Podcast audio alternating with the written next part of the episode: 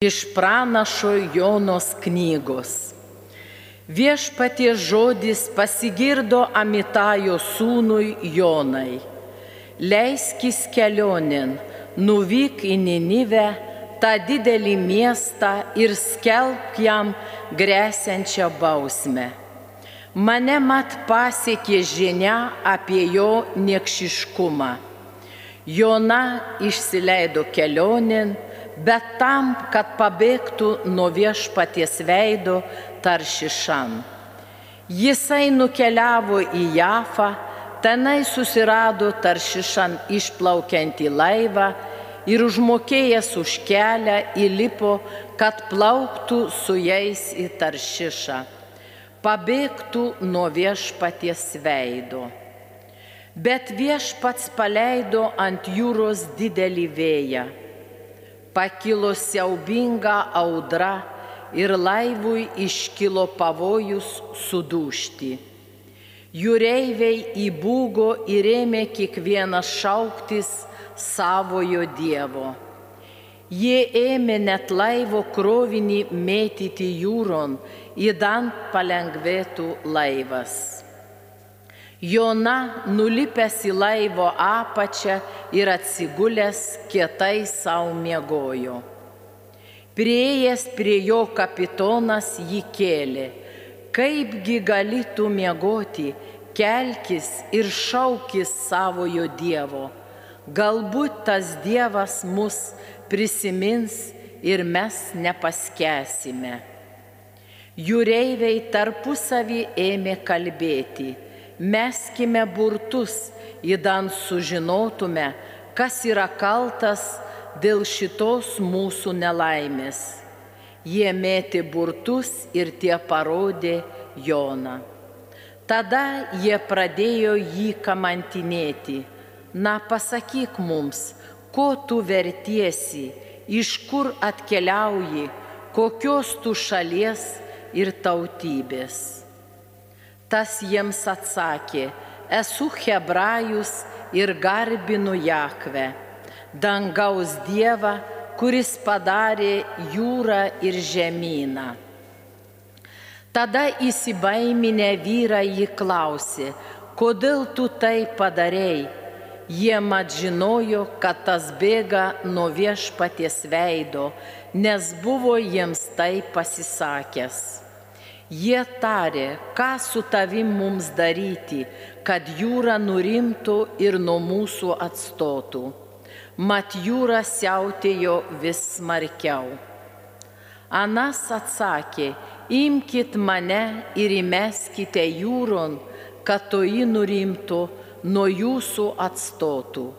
Aš juk žinau, kad per mano kaltę jūs ši didelė audra ištiko o vyrai užgulė irklus, kad krantą pasiektų, bet nieko negalėjo padaryti, nes jūra siauti prieš juos vis smarkiau.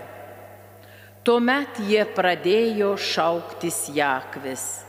Viešpatie, neleisk mum pra, pražūti per šitą žmogų ir to, ką dabar padarysime. Nepalaikyk mums nužudimų. Viešpatie, tu pasielgiai, kaip panorėjai. Jie sugrėbė Joną ir įmetė jūron ir jūra siausti paliovė. O vyrai labai įsibaimino viešpaties. Jie paukojo viešpačiui atnašą ir daug įžadų jam padarė. O viešpats atsiuntė didelę žuvį ir to jį Joną prarėjo. Jona prabuvo žuvies pilve tris dienas ir naktis. Žuvis pilve Jona meldėsi viešpačiui savo Dievui.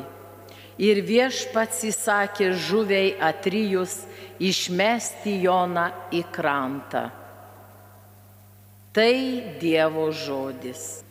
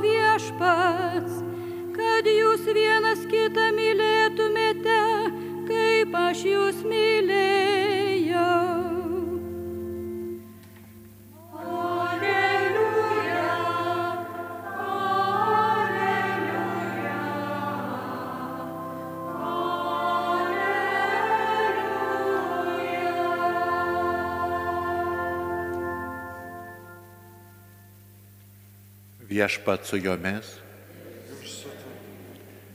Iš Šventojios Evangelijos pagal Luką.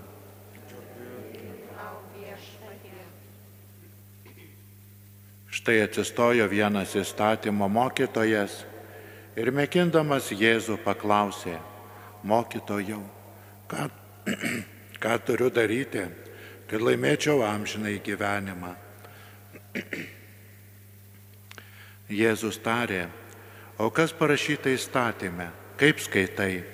Tas atsakė, mylėk viešpati savo Dievą visa širdimi, visa siela, visomis jėgomis ir visų protu, o savo artimą kaip save patį. Jėzus jam tarė, gerai atsakėjai, tai daryk ir gyvensi. Norėdamas pasiteisinti, Anas paklausė Jėzų, o kasgi mano artimas? Jėzus prabilo, vienas žmogus keliavo iš Jeruzalės į Jeriką ir pakliuvo į plėšikų rankas.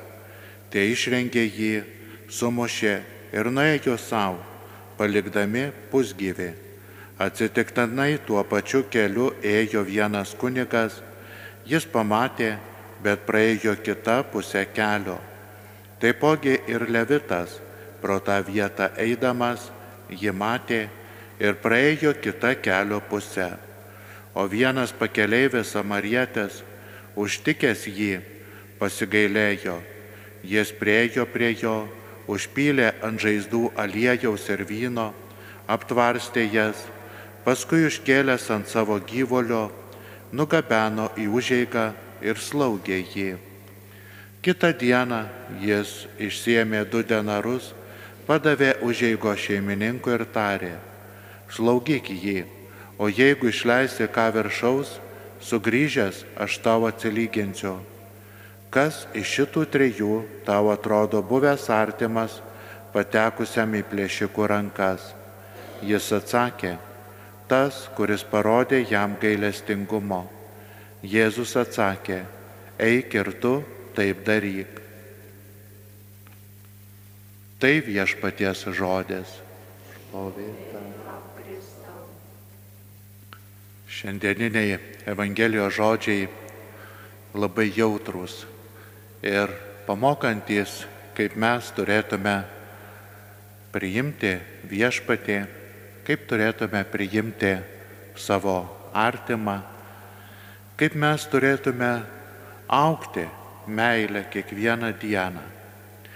Ir dažnai pagalvoju, ypatingai šiuo metu, spalio mėnuo, ir kai gamta jau trupučiuką pradeda e, raudonuoti, pradeda vysti gražų žiedai, bet visuomet susimastau apie paprastą dalyką. Jeigu žvelgiame pavasarį ir viena kita gėlytė vos tik tai stebelį išleidžia ir žydė, jos yra mažytės. Rudenį jos dažniausiai būna labai labai dideliais kotais ir tie žiedai tarsi skleidžiasi į saulę. Taip ir mūsų gyvenime yra. Ir mes pradedame nuo mažų dalykų, bet užaugame, išsiskleidžiame. Popiežius šio mėnesio intencijoje ragina, kad mes rastume dialogą bažnyčia su pasauliu, žmonės, kad mes vieni su kitais galėtume kalbėtis ir visa tai vyktų šventojoje dvasioje. Ir dažnai, kai sutinkame vienas kitą, tai būna akimirka. Tai būna trumpas, atrodo, susitikimas ir kartais, kuris perauga į ilgą draugystę iki gyvenimo pabaigos. O dažnai būna, kad sutinkame žmogų, su kuriuo pasisveikiname, pro kurį praeiname, kurį matome tik tai vieną kartą gyvenime. Ir pasakojo vienas, e, jisai žmogus yra su negale, negali matyti, bet ne, ne, ne nuo gimimo toksai ir tik tai jau pagyvenus kažkurį laiką jam teko atsisveikinti su savo regėjimu. Ir jis sako, aš važiuoju traukiniu, įsėdau Klaipėdoje į traukinį, atsisėdau, kaip visuomet ateinu anksčiau, kad aš ramiai galėčiau įsėsti, užsiimu savo vietą ir laukiu, kada traukinys pajudės. Ir ateina viena mergaitė, kuri, aš girdžiu, atlydima savo tevelių, jie moko ją, kaip, kaip jai reikia elgtis, ką daryti. Dar prisako, kad tavęs ateis pasitikti teta. Ir jinai netaip toli važiuoja iki plungės. Ir jinai atsisėda priešais mane ir taip tiesiog mes nerandame atrodo bendros kalbos.